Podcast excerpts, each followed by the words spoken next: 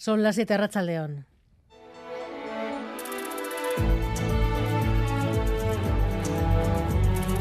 Gambara con Arancha García.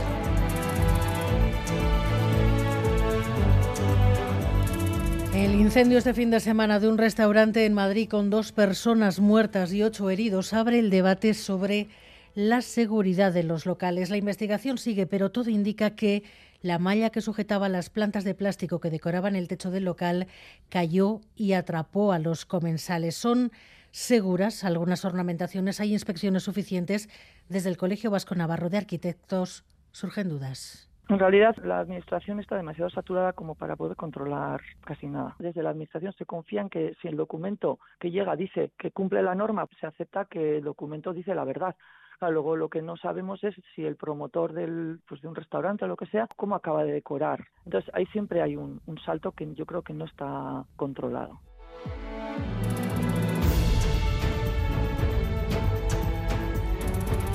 Las compañeras de Alessandra Velasco en el IMQ de Bilbao le han recordado hoy desconsoladas. Otra vizcaína sigue hospitalizada en estado grave y 10 años de cárcel es la sentencia contra el expresidente de la Real Sociedad Iñaki Badiola por injurias. El juez considera probado que fue el autor de tweets a través de una cuenta en los que injuriaba a políticos, jueces y periodistas. Así Driezola.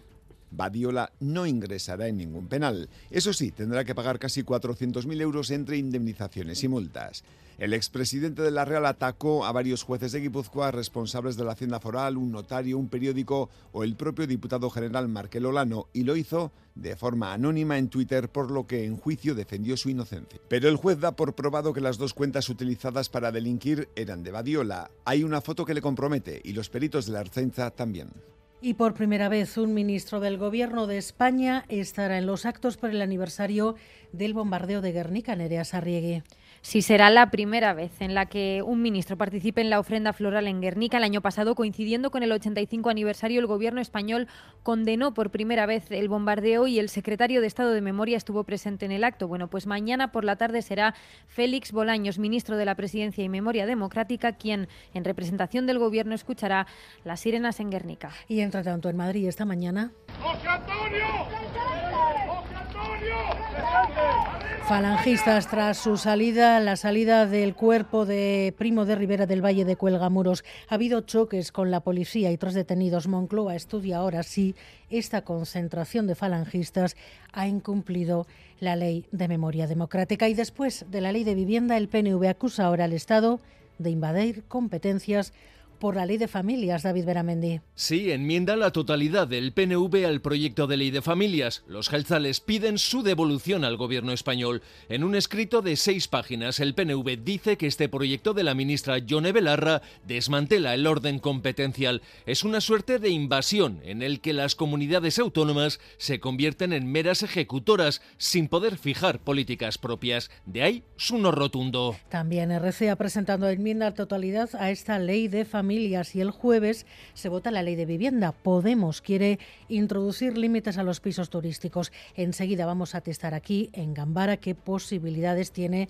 de salir adelante esa enmienda y qué supondría para Euskadi. Y en Francia, caceroladas convocadas en todo el país contra Emmanuel Macron. Hoy cumple un año de su reelección con los sindicatos y buena parte de la opinión pública soliviantados todavía por la reforma de las pensiones. Hola, Simón París.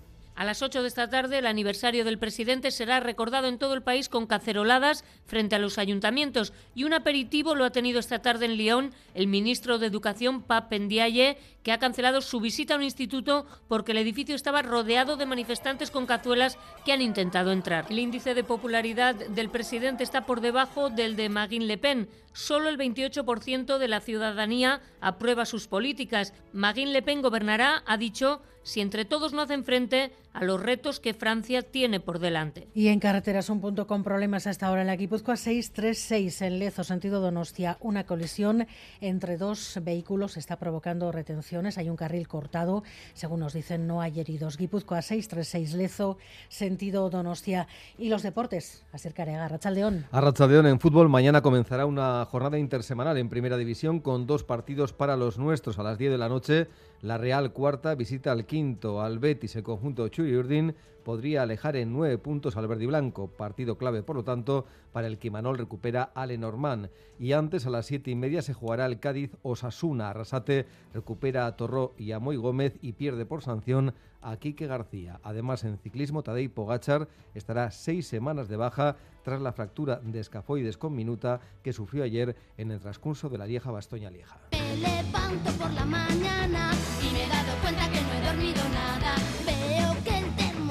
Ola de calor en abril, hasta 40 grados esperan a finales de semana en muchos puntos de la península. Aquí no vamos a llegar a tanto. En la ribera sí que pueden llegar a los 35, pero en el resto estaremos entre los 24-30, Maya Zabala. Así es, todo apunta que una masa de aire de origen africano dejará un calor excepcional para estas fechas en varios puntos de la península. En el caso del Valle del Ebro, por ejemplo, las máximas llegarán hasta 35 grados y en el centro y sur de Álava rondarán también los 30 grados, siendo el jueves el día más caluroso. Nince Salazar, Euskalmet. Centro y sur de Álava con máximas el jueves que rondarán los 28 o 30 grados aunque parece que esta vez las comunidades costeras de Guipúzcoa y Vizcaya se librarán de dicha ola debido al viento del norte.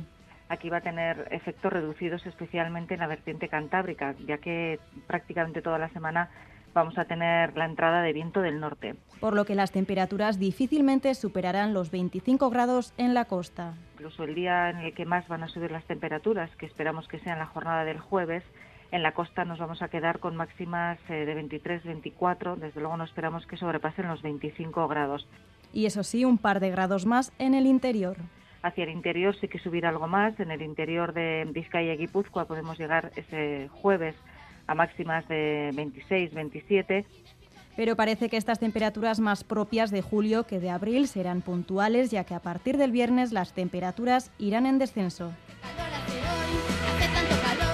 Miguel Ortiz y Maitane Mujedo están en la dirección técnica, Cristina Vázquez en la producción.